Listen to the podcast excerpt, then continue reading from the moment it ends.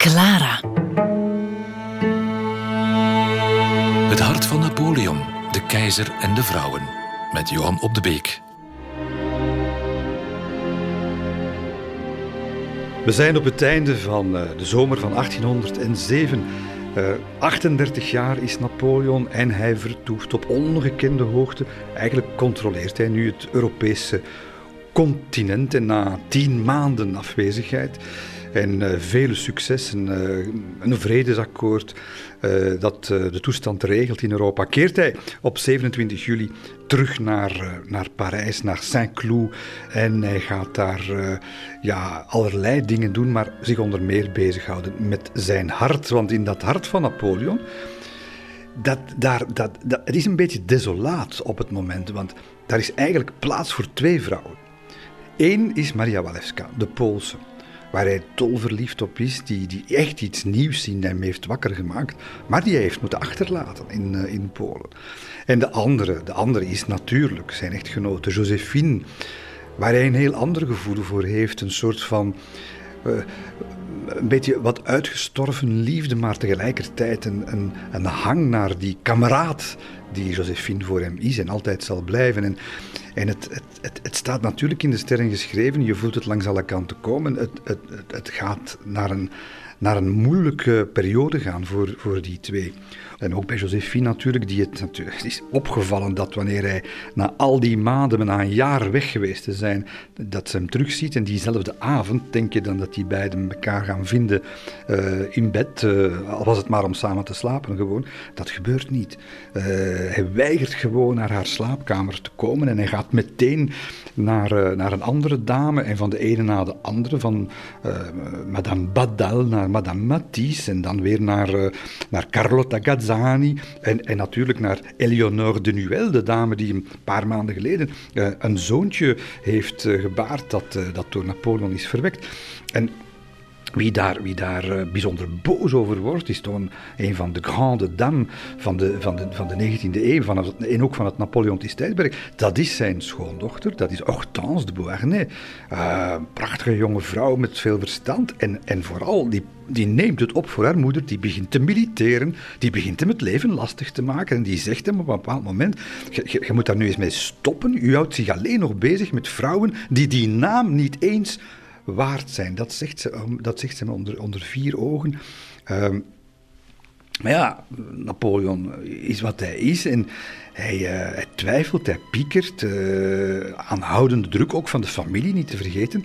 Uh, en en, en het, je, je, voelt het, het, dubbele in de man, het, het verteert hem. Want aan de ene kant weet hij dat dat met Josephine finaal gaat worden. En aan de andere kant wil hij haar, hij wil haar niet verraden. En dat is ja, dat is een dramatiek die nu de volgende twee, drie jaren het Napoleontische denken echt gaat, gaat beheersen. Je, je voelt dat, dat dat laat hem niet meer los en haar, haar natuurlijk uh, ook niet. Hè, want ze voelt dat zwaard van Damocles van die echtscheiding natuurlijk, voelt ze nu meer dan ooit over haar uh, hoofd uh, hangen. Uh, Laure Junot, een van de bevoorrechte getuigen op dat moment in, het, in de hofhouding, die beschrijft die loodzware sfeer die daar hangt. Want dat weegt op iedereen. Hè. Men, iedereen weet dat, hè, dat er daar iets op til is. En ze, ze schrijft, er wordt veel gepraat in, in Fontainebleau, zegt ze, maar vooral met ingehouden stem. het is al lang geen privézaak meer. Iedereen moet er zich mee hoor. Talleyrand en Fouché, die vinden het al een van hun, hun prioriteiten.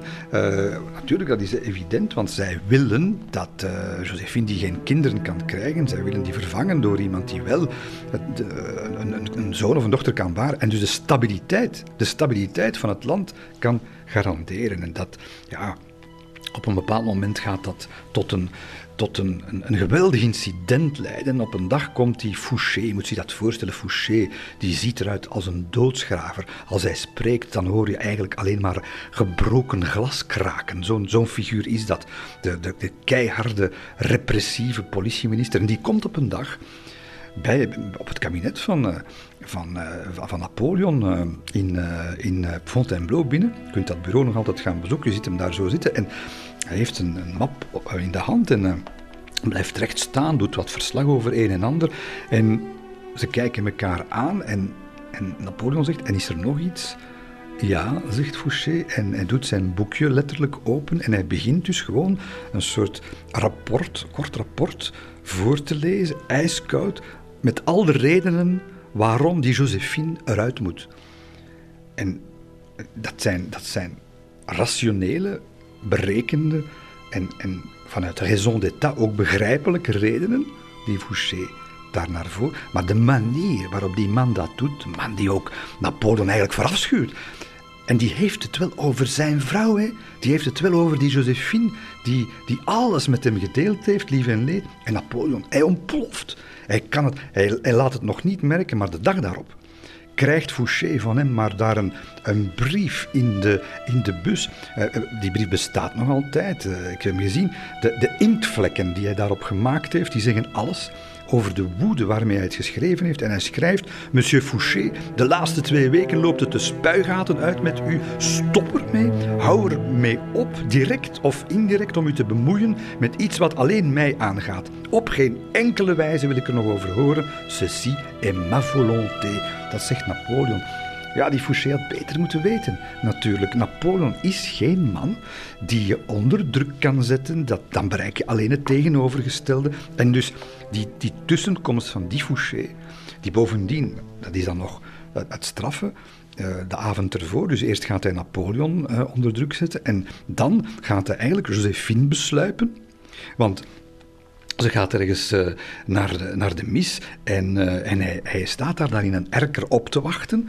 Uh, ja, politioneler kun je het al bijna niet hebben natuurlijk. En, die, en, die, en die, die, die, die, hij pakt daar bij haar arm en hij zegt, kijk, jij moet een offer brengen. Jij moet het onvermijdelijke offer brengen. Wat, Josephine begrijpt natuurlijk direct wat over. En ze vraagt, ze vraagt maar is dat is, dat is een boodschap van, van, van mijn man, of, of wat is dat hier? Heeft Napoleon dat gevraagd om mij dat komen te zeggen? Het is wanhopig, hè? En, uh, en, en Fouché, de, de lepert, hij antwoordt daar niet op. Hij laat het in het midden en hij gooit het dus in de schoenen van Napoleon. En ze veracht hem dan s'avonds natuurlijk bij het eten. En zegt ze, maar, allez, Bonaparte, zegt ze, want ze noemt hem natuurlijk nog altijd Bonaparte, zoals vroeger. Bonaparte, wat is dat? Uh, uh, wil, je, wil je scheiden? Wat, waar gaan we naartoe? Wat, en, en dat, het verdriet overweldigt hem natuurlijk. Hij durft het niet zeggen. Hij, hij krijgt het niet door zijn. Hij ziet die tranen in haar ogen en hij krijgt het niet over zijn lippen.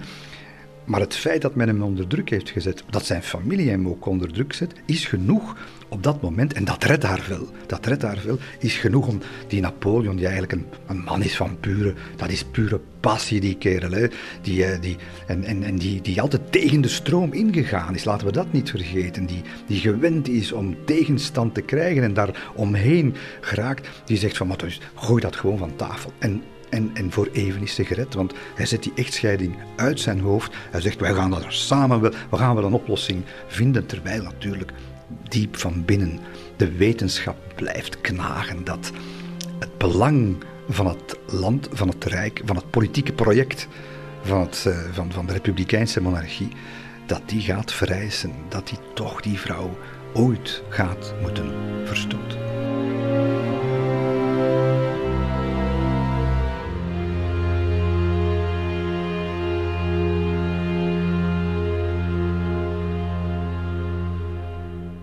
Op 12 april 1809 komt er eh, in de Tuilerieën een koerier binnen met een bericht dat de Telegraaf heeft doorgeseind vanuit de, van aan de grenzen. En dat bericht is rampzalig, want het Oostenrijkse leger is totaal onverwacht uh, München binnengevallen, de hoofdstad van Beieren. En dat is de belangrijkste Duitse bondgenoot van Napoleon. En hij moet, hij moet natuurlijk ingrijpen. Josephine die fantastische vrouw, maar met weinig verstand van internationale politiek, die, die is het beu, die zegt, gaat je, dan, gaat je dan nooit genoeg krijgen van al dat oorlogsgedoe? En hij maakt u daar kwaad over, denkt je dat ik dat allemaal voor mijn plezier doe? Enfin, hij is daar boos over. Uh, ja, ze moeten, ze moeten aan de bak. En uh, op 5 en 6 juli, dus eigenlijk een paar, een paar maanden later, is het al gebeurd hoor. Want het Oostenrijkse leger wordt in een, in een reusachtige en zeer bloedige en en moeilijk gewonnen veldslag door Napoleon verslagen in de slag van uh, Wagram. En er volgen vredesbesprekingen en die gaan plaats hebben in het uh, Schloss Schönbrunn, waar ondertussen Napoleon voor de tweede keer al gaat resideren. En daar uh, gaat hem in de marge van al, dat, uh, van al die politieke turbulentie natuurlijk toch weer een prachtig moment wachten. Want we zijn nu vlakbij Polen. En het is het moment natuurlijk voor Maria Walewska, die hem niet vergeten is. Integendeel, die vrouw die houdt van hem. Zij... Uh, eh, ze, kan, ze kan niet wachten eh, om hem te, te komen bezoeken. 1 oktober uh, komt ze in uh, Schönbrunn aan, popelende Napoleon. Hij, hij, kan zijn handen niet stilhouden als, als hij haar ziet. de, de, romance, de hervat in, in alle vurigheid. En ze hebben, ze hebben elkaar negen weken lang hebben ze elkaar ononderbroken kunnen zien. En alles zeggen en doen wat je, wat je als verliefden voor mogelijk houdt. Het, het is die negen weken in Schönbrunn zijn, zijn weer een van die zeldzame momenten, periodes geweest in dat, in dat uh, ongelooflijke, ja, hectische leven van Napoleon, waarin hij waarschijnlijk toch wel wat eh, geluk gekend heeft, wat, wat, ja, wat, wat rust gekend heeft, wat, wat menselijkheid gekend heeft. En het was een geweldige meevaller, eh, niet alleen omdat zij er is, maar omdat ze iemand bij heeft, want ze is zwanger. Uh, en heeft nu, nu pas, in 1809, heeft hij eindelijk zekerheid dat hij inderdaad vruchtbaar is. En het, het is, onze vriend Constant, die natuurlijk weer van alles op de, van de hoogte is en die met alle de meest vertrouwelijke opdrachten wordt, wordt belast, die, die vertelt dat. Hè. Die, die moet dus uh, elke dag uh, Maria Walewska gaan oppikken in Meudling, zo'n fraai dorpje, een landhuis daar, uh, vlakbij Schönbrunn. En hij brengt haar dan naar, naar het kasteel. En, en elke dag, uh, voor Napoleon welke brief ook leest of welk bevel ook geeft, zegt hij tegen Constant, en hij, hij nijpt hem in de wang, want Constant mag het vooral niet vergeten. Hij zegt, en, en zorg dat de koetsier voorzichtig is. Hè? En is de weg niet te hobbelig. En ligt er vandaag niet te veel modder. En zijn de paarden niet te zenuwachtig. En kent die koetsier zijn en zo verder. Want Maria's zwangerschap is hem, dat, dat is voor hem het summum. Dat kindje moet, dat is een liefdeskind, dat kindje, daar mag niks, daar mag niks aan miskomen. Maar ja, even spijtig als onontkoombaar is natuurlijk uh, het gegeven dat uh, de politiek hem weer wegroept. Er, is, uh, er komt tot een akkoord met de Oostenrijkers dat hem nog meer macht geeft uiteindelijk en, en stabiliteit en vrede vooral. En dan is er natuurlijk ook geen enkele reden meer om nog langer weg te blijven uit Parijs, waar natuurlijk uh, de echte lakens worden uitgedeeld. En ze moeten weer uit elkaar. En ze gaan, ja, gaan op een, op een deze, deze keer hebben ze toch wel een beetje het gevoel, want ze zijn al eens uit elkaar moeten hè, gaan. Deze keer hebben ze toch wel zo wat het gevoel dat dit, dat dit misschien wel de laatste keer zou kunnen zijn. En het is, uh, het is met het nodige drama en de nodige tranen dat ze, dat ze afscheid uh, nemen. En zij keert terug naar uh, Vallevice, naar het familiale kasteel, met haar ondertussen nog altijd levende, zeer bejaarde echtgenoot. En daar gaat ze een paar maanden later bevallen van het kind van, van Napoleon, waar we later nog meer van gaan horen. En Napoleon, 16 oktober 1809, om uh, twee uur s middags vertrekt hij naar huis, waar hem natuurlijk weer nieuwe problemen wachten, waarvan zijn huwelijk niet het minste is.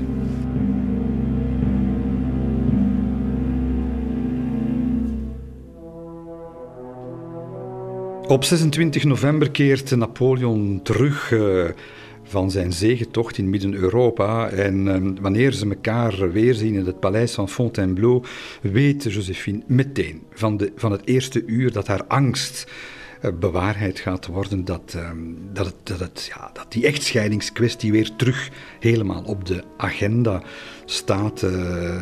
ja, het, is, het, moet, het, moet, het moet echt maar hartverscheurend geweest zijn voor haar te constateren dat ze uh, de deur tussen de appartementen van keizer en keizerin hebben dichtgemetseld en dan nog wel op instructie van Napoleon. Hij heeft dat vanuit Schönbrunn uh, per brief bevolen. En ehm, ze, ze, ze, je, je, voelt aan alles, ze, voelt het hangen. En het is uh, Laure Junot, die ondertussen de, de duchesse, de hertogin van uh, Abrantes is geworden, die een beetje haar steun en toeverlaat is. Die, uh, daar, zegt ze, daar zegt ze het volgende tegen. In wanhoop zegt ze dat eigenlijk. Ah, als jullie eens wisten wat ik heb gevoeld telkens als een van jullie me haar kind kwam tonen. Ach, als jullie eens wisten wat ik heb gevoeld, telkens als een van jullie mij haar kind kwam tonen. Mijn God, ik die nooit jaloers ben geweest, werd erdoor vergiftigd telkens als ik een van die kinderen zag. En ik, onvruchtbaar als ik ben, ik zal met schande uit het bed gejaagd worden van de man die mij de kroon gaf. Toch zweer ik bij God dat ik meer van hem houd dan van het leven zelf.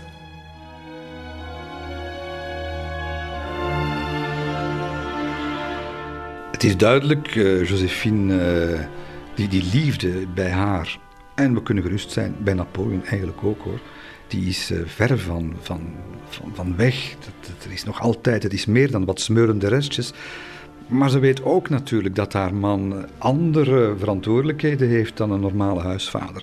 En ehm, ja, het, het, het, het treurspel gaat nu, gaat nu zijn laatste bedrijf kennen. Ehm, we weten dat ook van uh, Napoleons persoonlijke secretaris Meneval, die ziet het, die ziet het aankomen. Hè. Die, zegt, uh, die beschrijft de angst hè, bij haar en hij zegt, angst beheerste haar leven. Angst beheerste haar leven. Ze kwam voortdurend bij me langs om te vragen wat er aan het gebeuren was. Ik moest haar voortdurend met een kluitje in het riet sturen. Mijn rol werd ondraaglijk en om te ontsnappen aan de wanhopige vragen van de ongelukkige vorstin begon ik haar te mijden.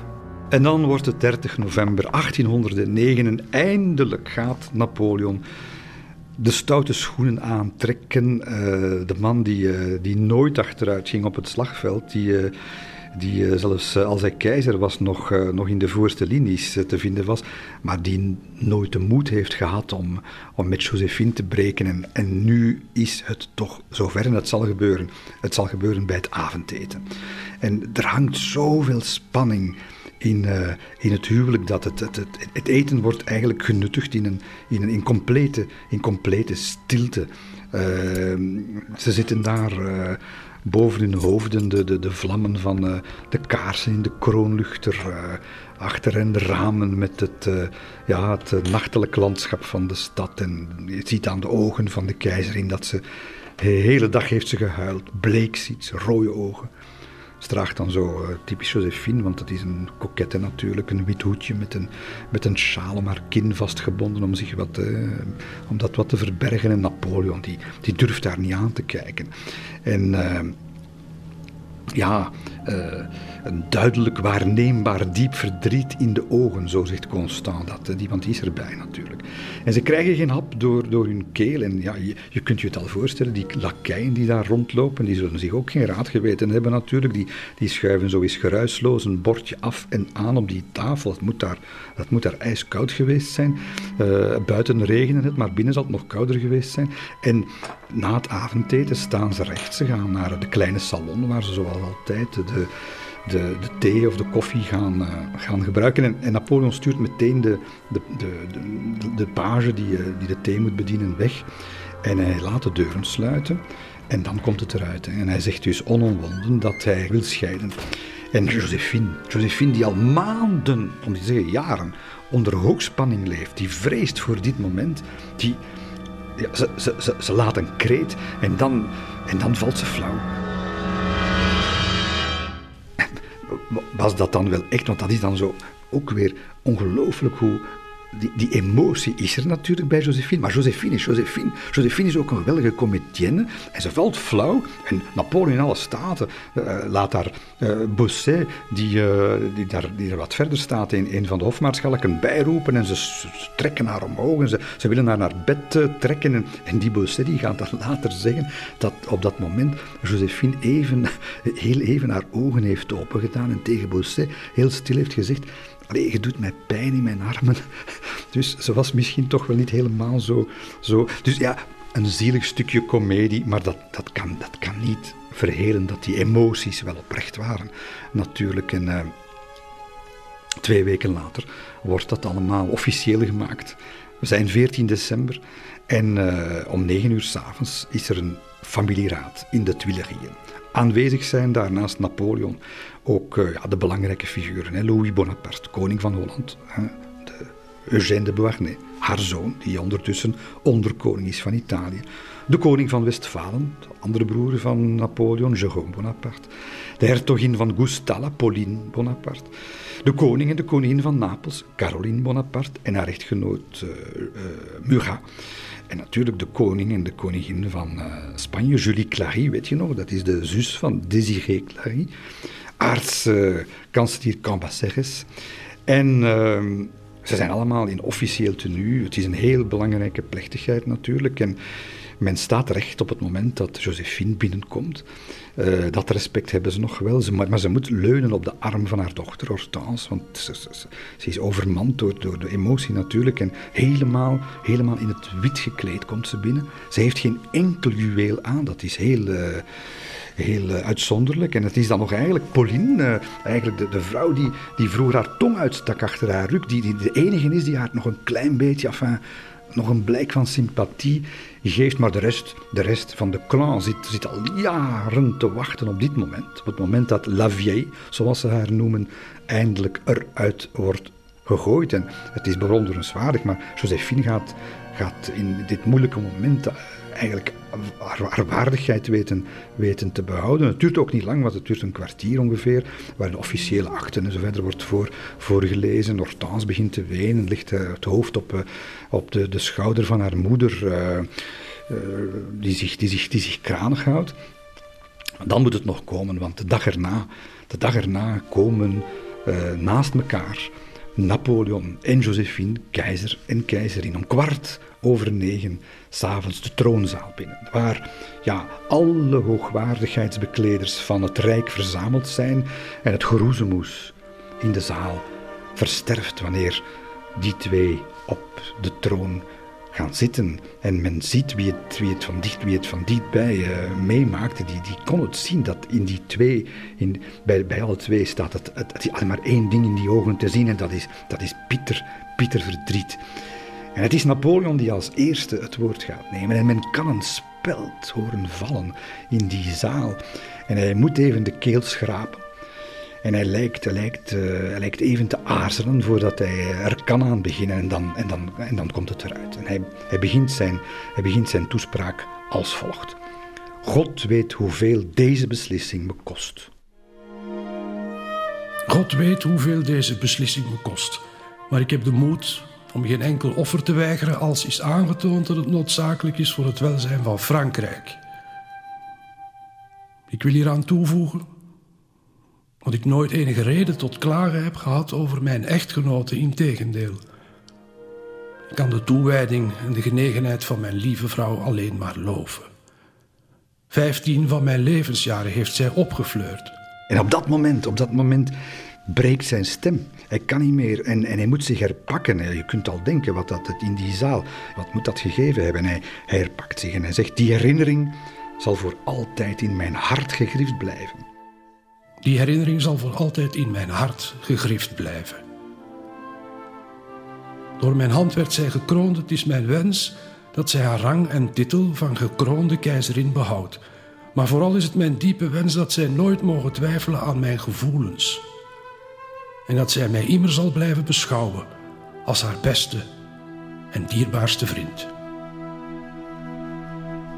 Ja, en dan, dan staat Josephine recht. Want ook zij moet uh, haar zeg doen als keizerin. Uh, speech die uh, voor haar op papier is gezet, waar ze wel haar instemming heeft gegeven, maar is geschreven natuurlijk. En het is, het is met een stem die, ja, garme die Josephine, die gesmoord door emoties zijn. Ze, en, en, en ja, dat, dat zijn woorden die toch moeten door het hart gesneden hebben.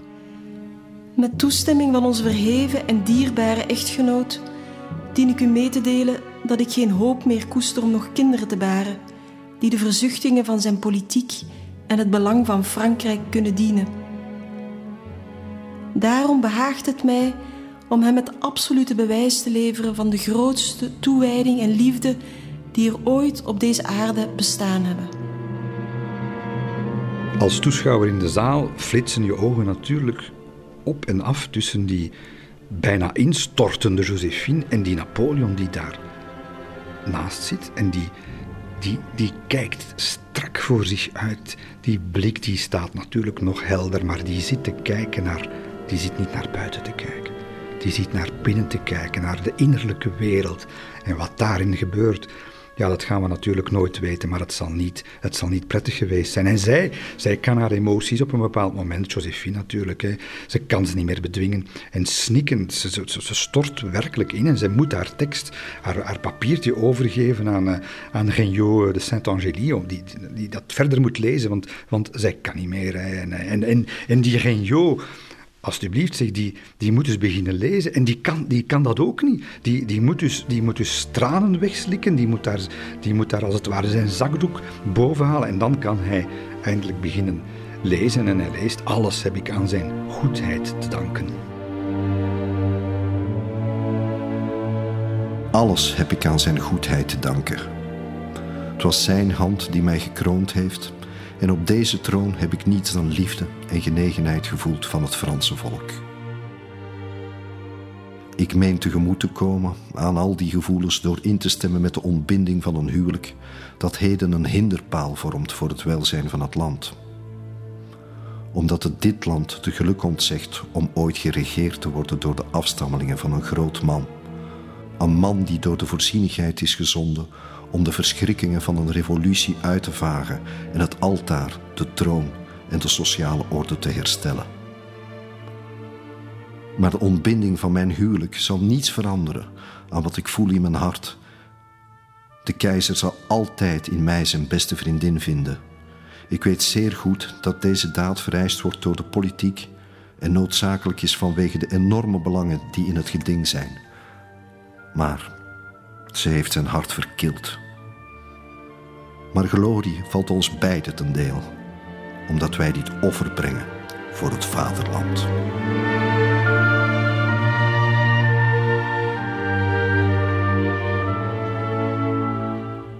Ja, ondertussen is, is de, de zoon van, van, van, van Josephine, Eugène, die is al in van pure miserie, uh, werd letterlijk in elkaar gezakt bij de deur.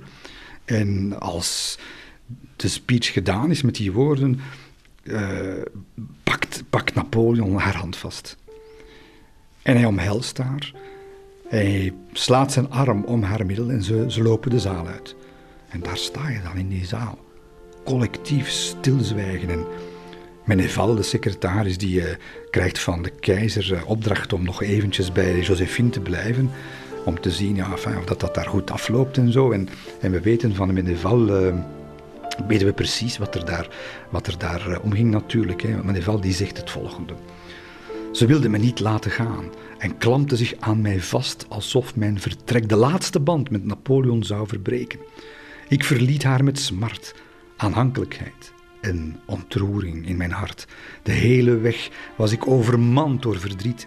Ik kon niet anders dan betreuren hoezeer de rigoureuze eisen van de politiek zo brutaal een menselijke relatie konden verbrijzelen in het voordeel van een andere, waarvan de uitkomst onzeker was.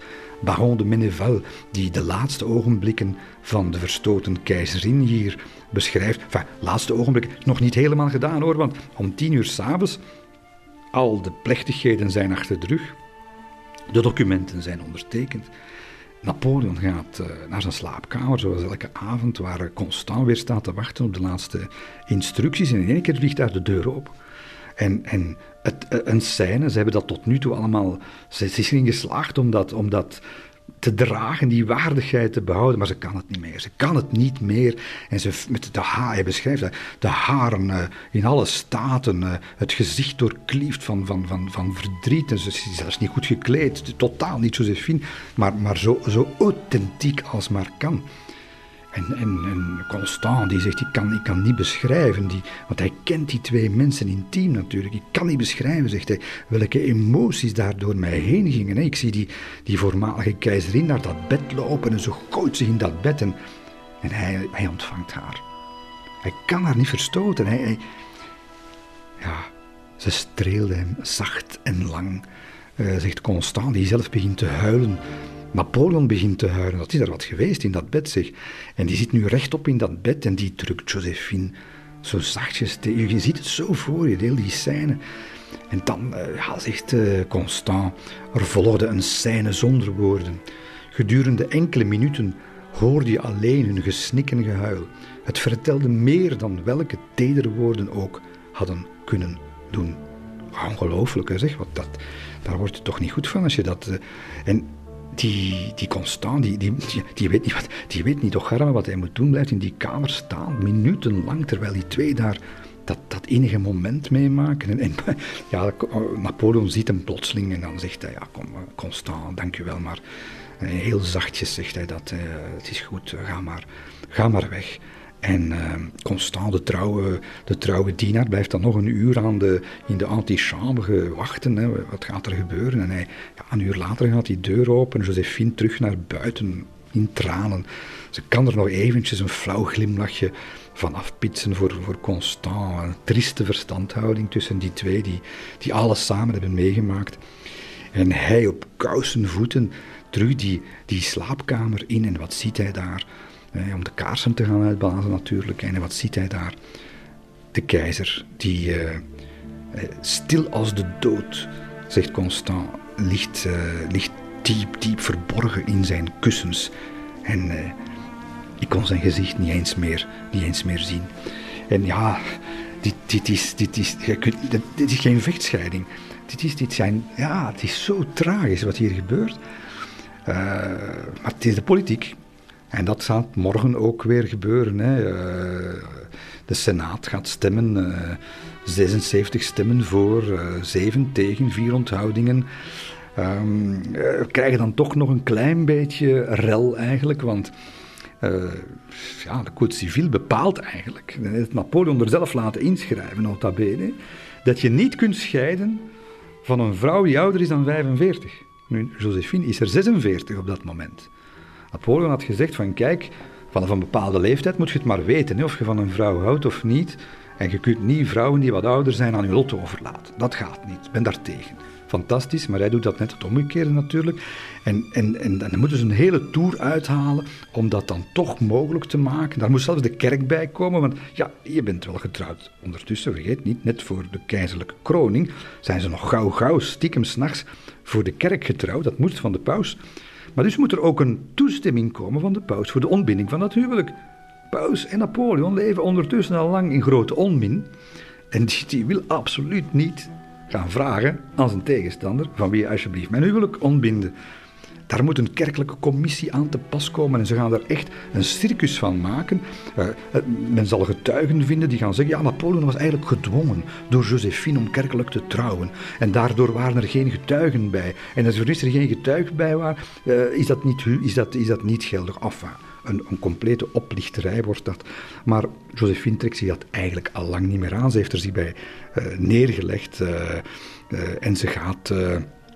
Ze gaat uh, voor de laatste keer eigenlijk de Tuilerieën verlaten, het, het, officiële regeringsgebouw. En het is, het is weer Constant die daar met een heel aantal mensen die daar jarenlang gediend hebben, getuigen uh, van, van, van is. Want hij wil, hij wil dat dat moment, dat is een van de momenten in zijn leven, dat zou hij voor geen geld willen gemist hebben. En hij schrijft... Iedereen was er, iedereen wilde nog een laatste keer kijken naar de ontroonde vorstin, die alle harten met zich meenam in haar verbanning.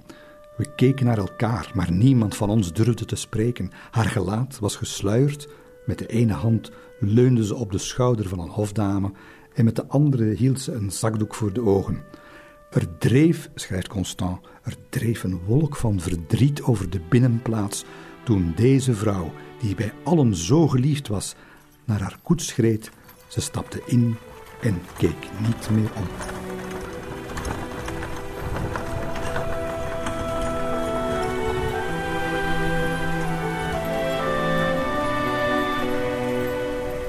Ja, voilà, uh, Josephine rijdt weg in haar koets Lopal. Uh, en ze rijdt, ze rijdt ja, naar wat? Naar een, naar een nieuw hoofdstuk in haar leven natuurlijk. Uh, en waar gaat ze naartoe, dacht u? Natuurlijk naar die plek waar ze zoveel mooie momenten hebben beleefd samen. Het kasteel van Malmaison, dat nu natuurlijk ja, een kommerloos geluk niet meer kan weerspiegelen. Het is eigenlijk een, het is eigenlijk een graftombe voor haar geworden nu. Hè. En uh, aan de andere kant, Napoleon, die, zit, die, die is er ook niet goed van hoor. Die, die lijkt die scheiding echt niet goed te verteren. Want de volgende dag moet hij, al, moet hij haar al zien. Stel je voor.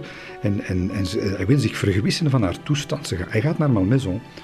En ze gaan daar. Wat, wat moet daar in die twee hoofden daar toch zich afgespeeld hebben, waar ze jarenlang hun beste momenten hebben gehad. Ze gaan daar nog een paar uur wandelen in de tuinen, arm in arm. En hij, uh, hij gaat dan weer terug naar het werk. En uh, de dag erna zien ze elkaar nog eens. Deze keer in Versailles, in, uh, in het Trianon. Daar wordt discreet geluncht. Alleen Hortense en, en Caroline Bonaparte zijn daarbij. En Hortense, die beschrijft dat, hè, die zegt daar, er werd geen woord gezegd aan tafel. Absolute stilte. Mijn moeder, die, die, die kon niet meer eten, die kreeg een hap meer binnen. En, hij heeft twee of drie keer zijn ogen moeten, moeten deppen, de tranen moeten, moeten verbergen. En na de laatste schotel, waarvan ze niet gegeten hebben, zijn ze alle twee uit elkaar gegaan. En, en, zo, en zo gaat dat dus maar door.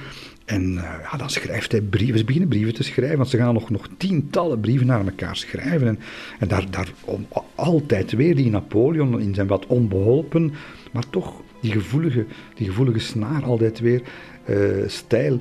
Uh, ja, hij weet, hij hoort, hij hoort zeggen, en hij voelt dat natuurlijk zelf ook, dat, dat ze kapot is van verdriet. En hij, ja, hij kan daar niet tegen. En hij, hij probeert daar, daar wat moed in te praten en zo verder en zo verder. Uh, ja, kon ik je maar tevreden weten en vernemen dat je straks weer sterk bent, slaapzacht. Napoleon, zo eindigt dan zo'n brief. Maar de avond uh, waarop hij die brief geschreven heeft, ziet hij s'avonds in zijn eetkamer. Uh, niet één brok krijgt hij door de keel en hij wacht. Hij wacht roerloos op iets wat, ja, op iets wat nooit meer gaat terugkeren. Adieu, mijn lieve Josephine. Leg neer bij de feiten zoals ik doe. En verlies nimmer de herinnering aan Hij die u nooit is vergeten. En u ook nooit zal vergeten. Napoleon.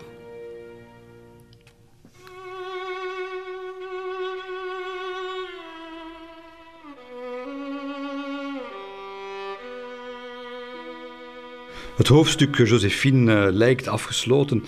En ja, we moeten, uh, we moeten naar, een, uh, naar een nieuwe echtgenote zoeken, natuurlijk. En in 1809, ja, dat, dat is niet anders dan een politiek huwelijk. En in de eerste instantie is men in Parijs eigenlijk vooral tuk op een huwelijk met, uh, met de Russen, dus met de zus of een van de zussen van tsaar Alexander. Maar je voelt die Russen al dan uh, aarzelen. Hè. De Russen, bondgenootschap, uh, Alexander en Napoleon kennen elkaar zeer goed, hebben veel brieven aan elkaar geschreven, verstaan elkaar, kunnen door één deur. Maar onder meer door de druk van zijn achterban, door de politiek van internationale expansie ook, toen al, van Rusland. En onder druk van de Engelse diplomatie begint, begint Sint-Petersburg zijn kar te keren en, en ze talmen. Ze talmen met een antwoord op, dat, op die discrete hè, onderhandelingsgesprekken uh, rond, rond dat politieke huwelijk. En het ligt allemaal bijzonder delicaat natuurlijk, want er, er moet een huwelijk komen, maar terwijl de Russen doen alsof hun neus bloedt, ja, moet Napoleon natuurlijk wel hij moet iemand trouwen en dat kan, dat kan alleen een, een, belangrijke politieke bondgenoot zijn. En mag de Russen aan de andere kant geen voorwendsel geven om, om te stoppen met de onderhandelingen. Terwijl hij tegelijkertijd toch stilletjes aan moet ja, ballonnetjes uitgooien, visjes uitgooien bij de anderen. Dus dat wordt een heel, een heel delicaat uh, spel. En de beslissing over het politieke huwelijk valt op 21 januari 1810 tussen, enfin, tijdens een, uh, een uh, geheim overleg van Napoleon met, met zijn getrouwen. En op geen enkel moment is daar sprake van de vrouw die in zijn hart natuurlijk de absolute nummer één is, die hem onlangs nog een ring heeft geschonken met haar blonde haarlokken aan bevestigd, waarin gegraveerd staat het volgende: wanneer je ophoudt met van mij te houden, vergeet dan niet dat ik van jou houd. En die vrouw is natuurlijk Maria, Maria Walewska. De enige vrouw, de enige ter wereld die uh, Josephine, uh, de Josephine's plaats in het hart van Napoleon zou kunnen innemen. Maar Maria heeft natuurlijk geen enkel politiek gewicht. Alleen harde politieke berekening is wat nu telt. En dus het is afwegen. En wie, uh, wie staan er op het lijstje? Wel, dat is de Duitse prinses Maria Auguste van Saxen. Wat mij betreft, eigenlijk politiek zou dat de, de interessantste uh, partij geweest zijn. Want als je het verhaal van, van de Napoleontische periode achteraf bekijkt, een van de grote, grote politieke prestaties van Napoleon is dat hij een Frans-Duitse as heeft gesmeed. 200 jaar voor de Europese eenmaking. Dit, dit was de Gaulle, uh, Adenauer, Kool Mitterrand, maar 200 jaar geleden. En die, die, stel u eens de geschiedenis voor van de 19e eeuw met een Frans-Duits verbond. we zouden, zouden we dan nog 1418 gehad hebben en de rest wat dan daarna gevolgd is. Als hij op dat moment kiest om dat bondgenootschap met de Duitsers, met de Duitse volkeren en staten, te, te bezegelen met een politiek huwelijk, de, de, geschiedenis zou in een andere plooi gevallen zijn natuurlijk. Maar nee, op de lijst staan belangrijkere in zijn ogen op dat moment toch figuren. Anna Pavlovna, dus de zus van Tsar Alexander. En dan, en dan, aartshertogin Marie-Louise van Habsburg-Lotharingen, de oudste dochter van de Oostenrijkse keizer Frans I. Goed, Tsar Alexander zegt ja nog nee. Uh, de Duitse die gaat al snel van het uh, lijstje. En Napoleon zegt, kijk, er is eigenlijk nog één criterium. Uh, ik moet, je dois marier un ventre, zegt hij. Ik moet trouwen met een buik. Want het gaat dus over dat, dat nakomelingschap. En, en het, ja, wat dat betreft, alleszins wat dat betreft, heeft die 18-jarige Marie-Louise van Oostenrijk heeft de beste perspectieven te bieden. Want ze, ze, hebben zelfs de statistieken, stel je voor, daar op de regeringstafel gelegd. Haar moeder, hoeveel kinderen had die? Wel, die had er 13. Haar grootmoeder 17 alstublieft en haar overgrootmoeder 26. Gevraagd u toch wel af hoe die Habsburgers dat allemaal klaar hebben gespeeld. Dus, met andere woorden, Marie-Louise die heeft qua vruchtbaarheid, daar kun je zeer, zeer gerechtvaardige verwachtingen over koesteren natuurlijk. En wat weten we van Marie-Louise? Wel, zij, hij eigenlijk, die kinderen van de Habsburgers uh, in Wenen, die zijn eigenlijk heel hun jonge jeugd, jonge jaren zijn die eigenlijk al voorbereid op dat soort huwelijk. Niet op een huwelijk van het hart, nee, op een huwelijk van de staatsbelangen. Ze wordt niet opgevoed in de hoofdburg waar papa en mama wonen. Nee, ze wordt opgevoed in uh, Laxenberg en, en Schönbrunn, ver van de echte wereld. En ook ver van mama en papa, die daar niet zijn. Trouwens, het woord mama, dat mag ze niet eens gebruiken, want ze moet dat zeggen tegen haar gouvernantes. Dus u, u, u voelt al wel wat, wat soort sentimentaliteit dat die Habsburgers hadden, namelijk geen. En dus religieuze opvoeding is uh, even belangrijk. Bijzonder is daar natuurlijk dat ze, ze is katholiek, maar ze wordt ook uh, vertrouwd gemaakt met protestantse leer, want ja, je weet maar nooit hoe het afloopt. En als u dan te gevoelig bent natuurlijk voor, voor andere standpunten, dan wordt dat moeilijk om zo'n huwelijk te sluiten. Dus je moet een beetje van alle waltjes kunnen eten. En wat men ook bijzonder nauwlettend in het oog houdt natuurlijk aan het Weense Hof, is dat, dat die kinderen, en die meisjes vooral, dat die vooral niet mogen denken dat er verschillende geslachten bestaan. Dus men neemt daar de nodige voorzorgsmaatregelen voor. Uh, geslachtsgemeenschap, dat is iets wat in de verste verte niet in haar wereld thuis hoort. En dus in de paleizen en de erven en de, de pleinen, daar mag je alleen kippen zien rondlopen, geen hanen. En in de appartementen zie je nooit een reu, alleen teefjes. En in de boeken Ah, wie, wie, de Hoofdbrug bezocht heeft, heeft die fantastische keizerlijke bibliotheek natuurlijk ook gezien. Wel, zij mag daar in een bepaalde, bepaalde kamers, mag zij daar boekjes gaan lezen of boeken gaan lezen. En, en daar zijn de sensoren gepasseerd, want alles, beelden, zinnen en zelfs woorden worden uit die pagina's weggeknipt. Want ze moet vrij van schennis en schande blijven natuurlijk. En dat zijn, ja, vraag u dan toch af, waar was hun verstand? Want bij kinderen die, die dat, dat soort dingen ontzegt, dat, dat lokt alleen maar meer raadsels uit en meer goesting om dat dan toch te weten. Maar zo waren de Habsburgers nu eenmaal. Dus kortom, ze is eigenlijk, ze is eigenlijk op alle denkbare manieren voorbereid op, op een politiek huwelijk, maar wel binnen binnen die, dat, dat denken van dat ancien regime, binnen, eh, een huwelijk binnen die oerconservatieve adellijke kringen van het traditionele Europa. Maar waar ze natuurlijk helemaal niet op voorbereid is, zo'n Habsburgse Marie-Louise, dat is op een huwelijk met Napoleon, de belichaming van de verwerperlijke verlichting, alstublieft. Een atheïst, smeerlap eigenlijk hè, in haar ogen, die, uh, die uh, door haar leraars als een monster is uh, beschreven. Ze heeft geleerd om die man te haten. Ze heeft als ze klein was popjes verbrand die Napoleon moesten voorstellen. Enfin, dus, en, daar, moet ze dus nu. Ze krijgt dat te horen op 15 februari 1810, dat daar dus een huwelijks een huwelijksaanzoek te wachten staat van, van de man die ze al jaren antichrist noemt. En haar antwoord is heel simpel. Ik wil alleen wat mijn plicht me beveelt te willen. Dat, dat is wat ze. En dus geprankt in een corset van, van plichtsbesef en, en gewend om te gehoorzamen, gaat ze daar natuurlijk op in. Voilà, we zijn vertrokken voor een, voor een avontuur, want eh, enkele maanden later gaat ze op reis naar, naar Frankrijk. Hè. Ze moet naar, naar haar nieuwe man. En die heeft ja, op zijn Napoleons. Het kon niet groots genoeg zijn. Uh, nu, dat was eigenlijk ook niet zo heel moeilijk hoor, want aan het Hof van, uh, van Wenen, we hebben daar misschien een verkeerd beeld over, maar dat is geen, dat is geen schittering zoals de Franse hoven sinds Lodewijk XIV en ook onder Napoleon zijn. Hè. In die die strenge van, van, van alle erotiek gespeende uh, cultuur. Uh, er mag niet te veel luxe zijn, want dan zou je kunnen behagen en op vreemde gedachten komen. Dus Marie-Louise heeft nooit een opvallend uh, halssnoer mogen, mogen dragen. Of ja, een beetje pikante oorbellen of, of de elegante jurken. Luxueuze lingerie, helemaal niet. Katoenen onderbroeken, dat mocht ze dragen.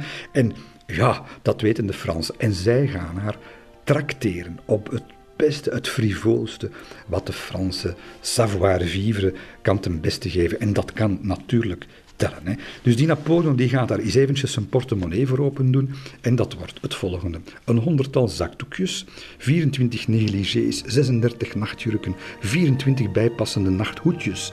Damasten kamerjassen, dat, dat alleen al, het, het, modehuis L'Olive de Beuvry, die weten niet waar ze het hebben, is, is dat is goed voor een paar jaar budgetten. En dan natuurlijk jurken voor alle mogelijke gelegenheden, 64 alstublieft in totaal, 17 cashmere sjaals by the way, 240 uh, paar zijden kousen, minder is natuurlijk uh, ondenkbaar, nietwaar? En, en dan schoeisel, hè, dat, uh, dat staat klaar, dat zijn 60 paar kokette schoenen. Die heeft Napoleon trouwens hoogstpersoonlijk mee geselecteerd, want we weten, handen en voeten, dat waren de twee uh, blikvangers in, op zijn erotische radar. Er is één punt dat natuurlijk wel essentieel is in die relatie. Je, er moet een kind uitkomen. En dus een van, een van de grote vragen is: hoe zit het met het seksappeal van die madame uit Wenen. Hoe zit het daarmee? Ja, dat weet je natuurlijk niet, uh, tenzij uit second-hand en, en uit wat geschilderde portretjes die men u toestuurt uit, uit Wenen. Hij heeft dat zitten bestuderen met argusogen. En wat ziet hij? Lange blonde haren, lange krulletjes op het voorhoofd, beetje dikke lippen, beetje zware Habsburgse kin. Kent dat wel? Die Habsburgers hadden zo'n beetje een, een kin die nogal ver vooruit stak. Een slanke hals. Uh, wat nog? Ja, brede schouders, 1,67 meter, dus dat is niet slecht voor, de, voor die tijd. En hij heeft zijn conclusie getrokken eigenlijk. Marie-Louise, oké, dat is geen schoonheid waarvoor je een paar kilometers omweg gaat maken, maar het kan ermee door, daar zullen we het wel mee kunnen doen. Nu, dat duurt hem ook weer allemaal veel te lang. Laten we niet vergeten, Napoleon, dat is, dat is, dat is nu beslissen en gisteren moest het gebeurd zijn.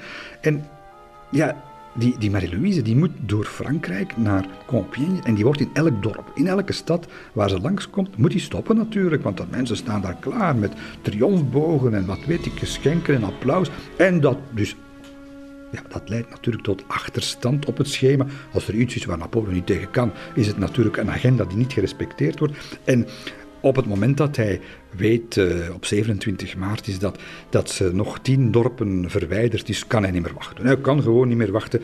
En Constant moet, uh, en of daar nu begeleiding bij is of niet, het kan hem niet schelen. Constant moet de, moeten de paarden zadelen en ze zijn vertrokken en ze rijden gewoon weg. En hij gaat daar in, in, een, in, een, in een plensbui, in een volle regenbui, gaat dat in een of ander dorp de koets gewoon letterlijk doen stoppen.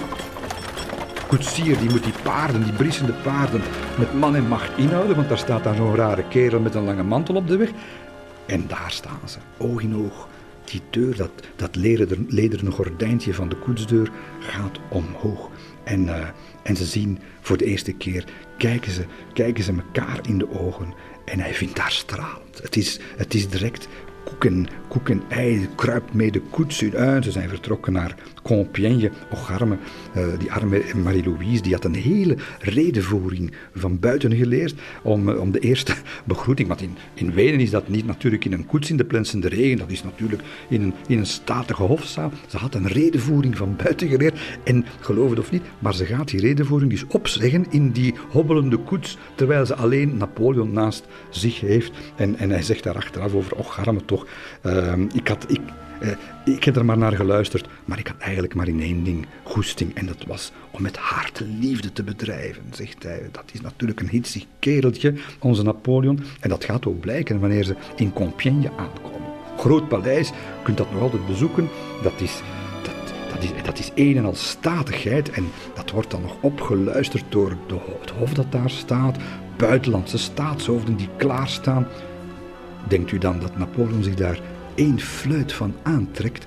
Natuurlijk niet. Hij heeft gewoon nog even gevraagd aan, uh, aan de, de bisschop van Nantes en aan Metternich, de, de vertegenwoordiger van Oostenrijk, of ze nu wel degelijk getrouwd zijn, of dat voor de kerk en de wet oké is. Het antwoord was ja. En de volgende daad die hij stelt is iedereen laten staan voor wat ze goed zijn. Marie-Louise bij het handje nemen, die prachtige statietrap van het kasteel van Compiègne bestijgen en recht de slaapkamer induiken.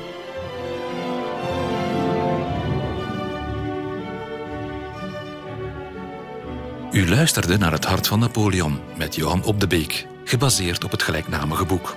U kunt alle afleveringen beluisteren via clara.be of u kunt zich abonneren op de podcast.